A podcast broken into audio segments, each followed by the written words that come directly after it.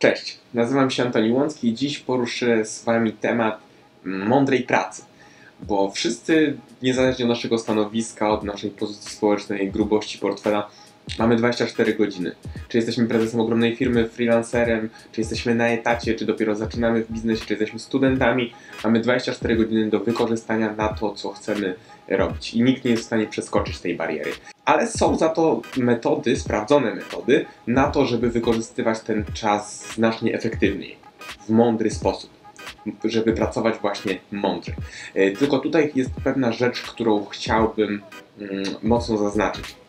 Bo często słyszy się w świecie rozwoju osobistego efektywności, że żeby osiągać sukcesy, żeby mm, osiągać e, fajne rzeczy, fajne rezultaty w życiu, nie trzeba pracować ciężko, trzeba pracować mądrze. Moim zdaniem trzeba pracować i ciężko, i mądrze. Ani ciężka praca sama, ani mądra praca sama nie da nam takich wyników, które prawdopodobnie interesują e, nas, jeżeli oglądamy wideo tego typu. Dlatego zawsze należy pracować i ciężko, i mądrze, bo tylko ta kombinacja daje nam prawdziwe efekty. Ale przechodząc do sedna, e, przedstawię Wam 9 kroków e, z bardzo ciekawymi przykładami na to, jak właśnie pracować w bardziej inteligentny sposób, żeby nasze wyniki były znacznie lepsze. Więc pierwsza rzecz to jest wykorzystanie dobrze znanej metody. Właściwie nie metody, ale prawa. Chodzi tu o prawo Parkinsona. Każdy tak naprawdę zna to prawo, bo ile razy było tak, że masz skończyć jakiś projekt, powiedzmy masz na niego miesiąc, a w ostatnie dni uda ci się dopiero go zamknąć. Przez kilka tygodni jest bałagan w mieszkaniu, a kiedy powiedzmy teściowie mają przyjechać, to nagle w kilka godzin wszystko błyszczy. Jest tak, że y, jeżeli mamy na coś mało czasu, to prawdopodobnie w tą y, krótką chwilę, która nam została, to skończymy. Jeżeli właśnie mm, to właśnie twórca powiedział, y, pan Parkinson, że jeżeli damy sobie, zostawimy coś na ostatnią chwilę, to właśnie tą chwilę nam to zajmie.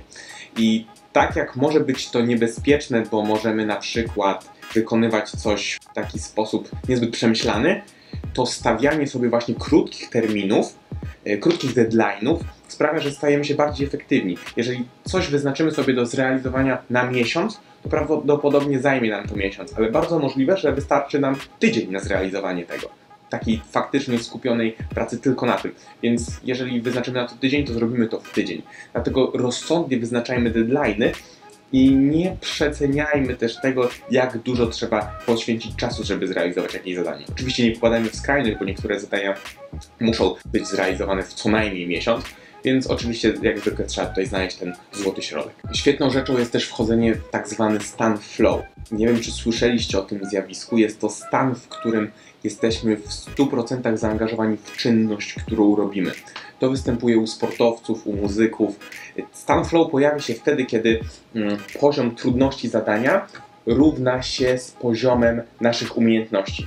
Więc powiedzmy, jeżeli ktoś gra całe życie na gitarze i ma zagrać jakąś prostą piosenkę, to nie do końca wejdzie w ten stan flow, bo jest to dla niego zbyt proste. Ale jeżeli ktoś powiedzmy gra tak 3 lata i ma zagrać jakąś piosenkę, która jest jakiś utwór, który jest naprawdę trudny i ma wystarczające umiejętności, żeby to zrobić, wtedy może właśnie wejść w ten stan flow. Można go osiągać e, żonglując e, na przykład piłeczkami czy innymi rzeczami.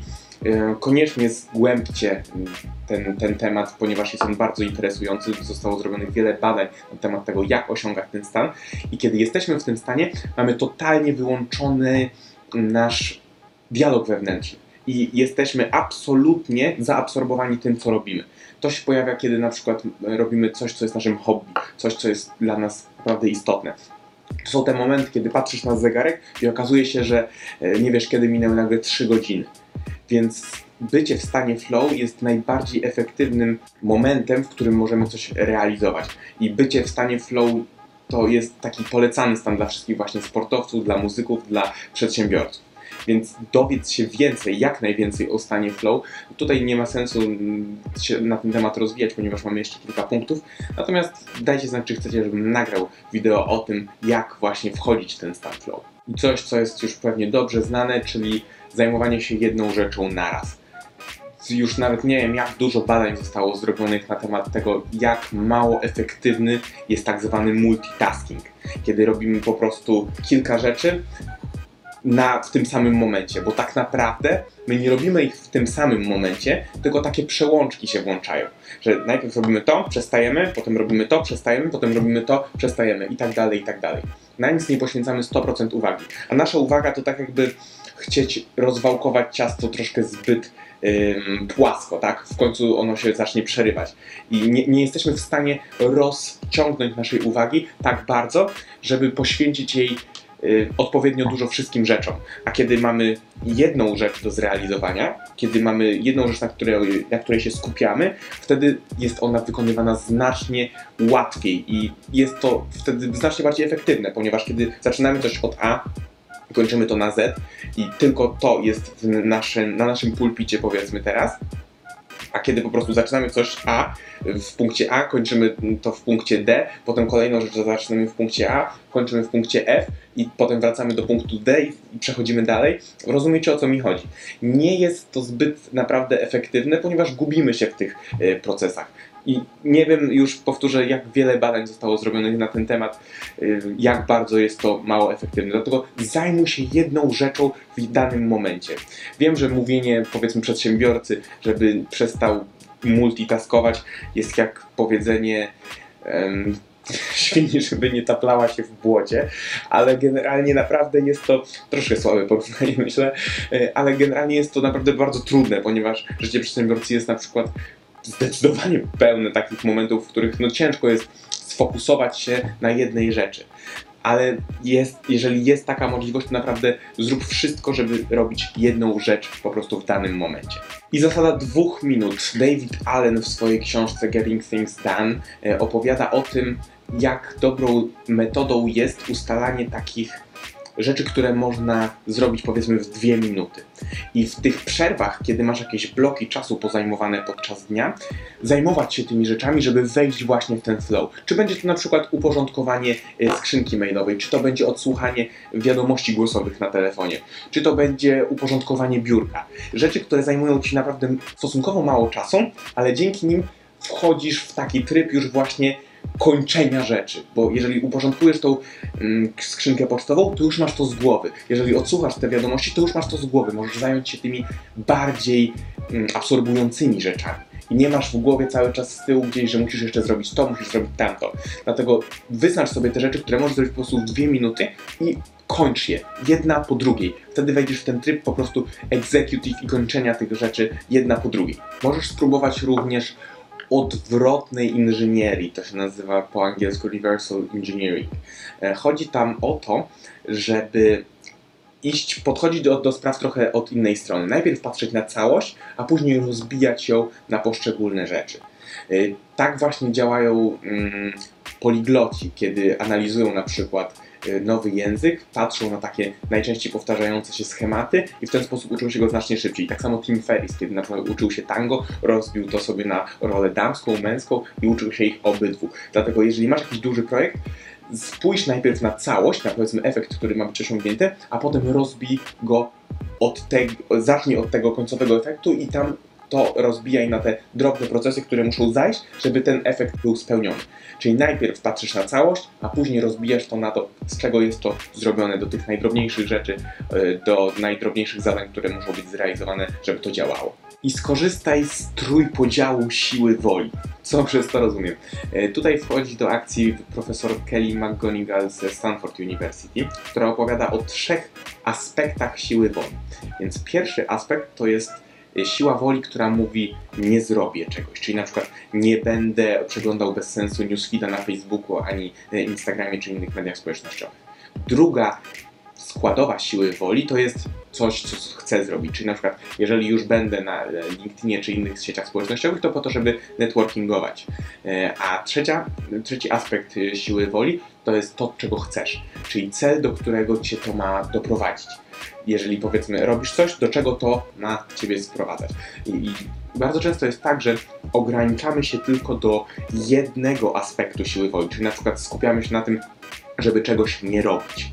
A zamiast tego powinniśmy użyć tych trzech składowych siły woli, czyli powiedzmy, czego nie chcemy robić, czyli coś usuwamy, czym chcemy to zastąpić, czyli co mamy robić zamiast tego i dlaczego chcemy to zastąpić.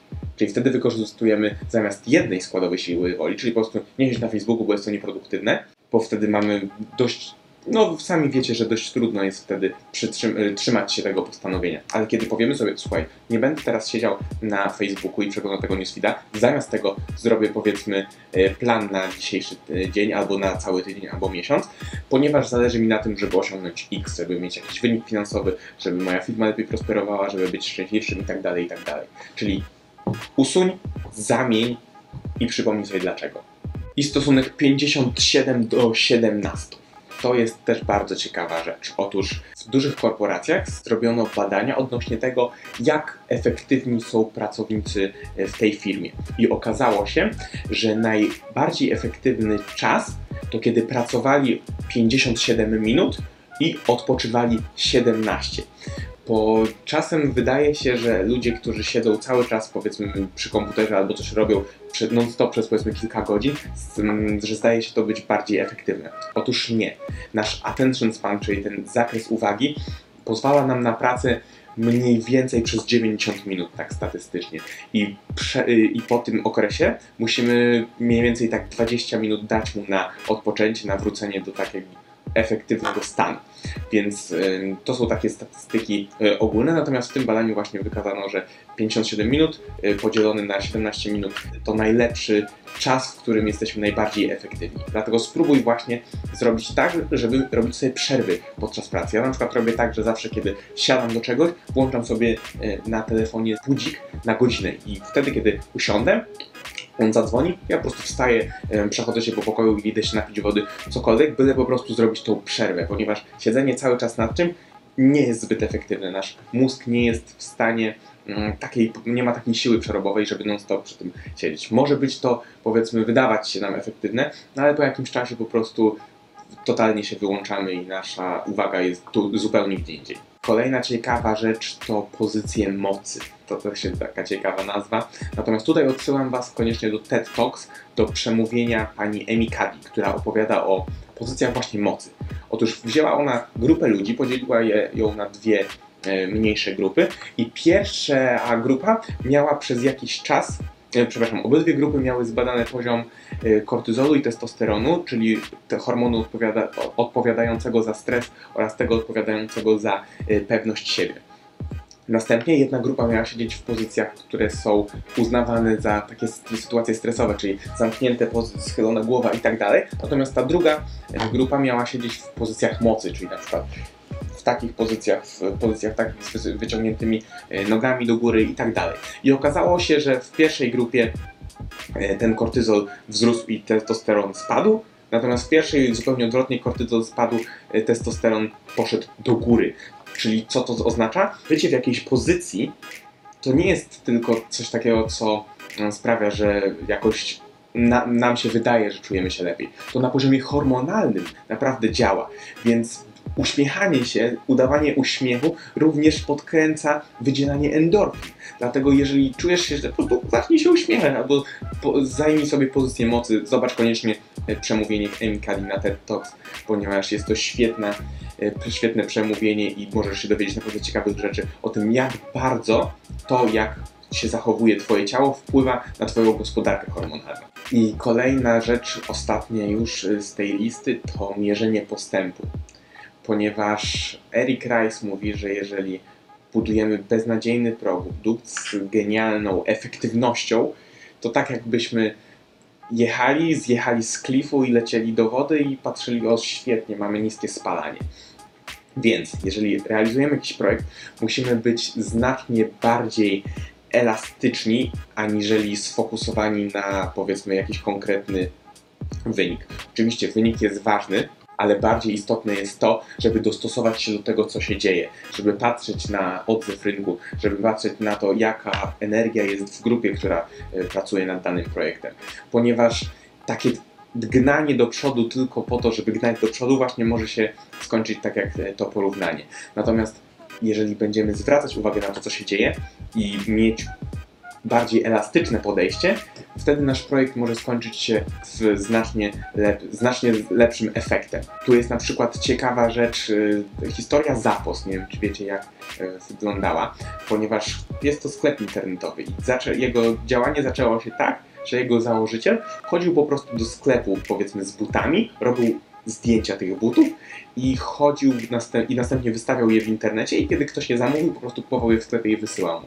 A jeżeli jego celem powiedzmy byłoby założenie sklepu internetowego i od razu chciałby mm, w pełną parą powiedzmy wejść w temat, czyli otworzyć swój sklep, zamówić buty i tak dalej, i tak mógłby ponieść duże koszty i nie miałby pewności, że to się zwróci. Dlatego taka elastyczność, takie otwarty, taki otwarty umysł, który pozwoli Ci właśnie na takie działania, jest bardzo istotny. Ok, to wszystko, co przygotowałem dla Was odnośnie pracy mądrej. Pamiętajcie tylko, że mądra praca czasem nie wystarczy i naprawdę głęboko wierzę w to, że bez mądrej, ciężkiej pracy nie zrealizujemy, mm, nie będziemy mieli jakichś naprawdę znaczących efektów w życiu, ponieważ śledzę bardzo dużo osób, które mają niesamowite, ponadprzeciętne wyniki i żaden z nich nie pracuje y, mało, dlatego że pracuje mądrze. Może jak już jest naprawdę na dobrym etapie w życiu, to wtedy można sobie na to pozwolić. Ale póki nie, jest, nie masz milionów na koncie i nie masz ogromnej firmy, która daje ci pasywny dochód, jednak trzeba pracować i mądrze, i ciężko. Więc dajcie znać mi koniecznie w komentarzu, co najbardziej przypadło Wam e, do gustu. I zapamiętajcie, że możecie oglądać mnóstwo takich wideo, ale dopóki nie zaczniecie realizować faktycznie tych założeń, które w nich są, to nic Wam nie da. Więc pamiętajcie, zróbcie coś z tą wiedzą, z którą teraz wyjdziecie z tego wideo. Cześć! Bardzo cieszę się, że zobaczyłeś to wideo do końca. Jeżeli było ono dla Ciebie wartościowe, proszę kliknij kciuka do góry. Możesz też zawrzeć w komentarzu dwie rzeczy, które najbardziej zapadły Ci w pamięć. A jeżeli chcesz więcej takich wideo o skutecznej komunikacji oraz efektywności, koniecznie zasubskrybuj mój kanał, należy kliknąć tutaj. Z kolei tutaj możesz kliknąć, jeżeli chcesz zobaczyć kolejne wideo, które bardzo prawdopodobnie również przypadnie Ci do gustu. Tutaj możesz kliknąć, żeby wejść na moją stronę. Znajdziesz tam moje wszystkie linki społecznościowe, Facebook, Instagram i tak dalej oraz możesz wypełnić zupełnie darmowy test osobowościowy, dzięki któremu poznasz siebie lepiej. Mam nadzieję, że zobaczymy się już za tydzień. Do zobaczenia. Cześć!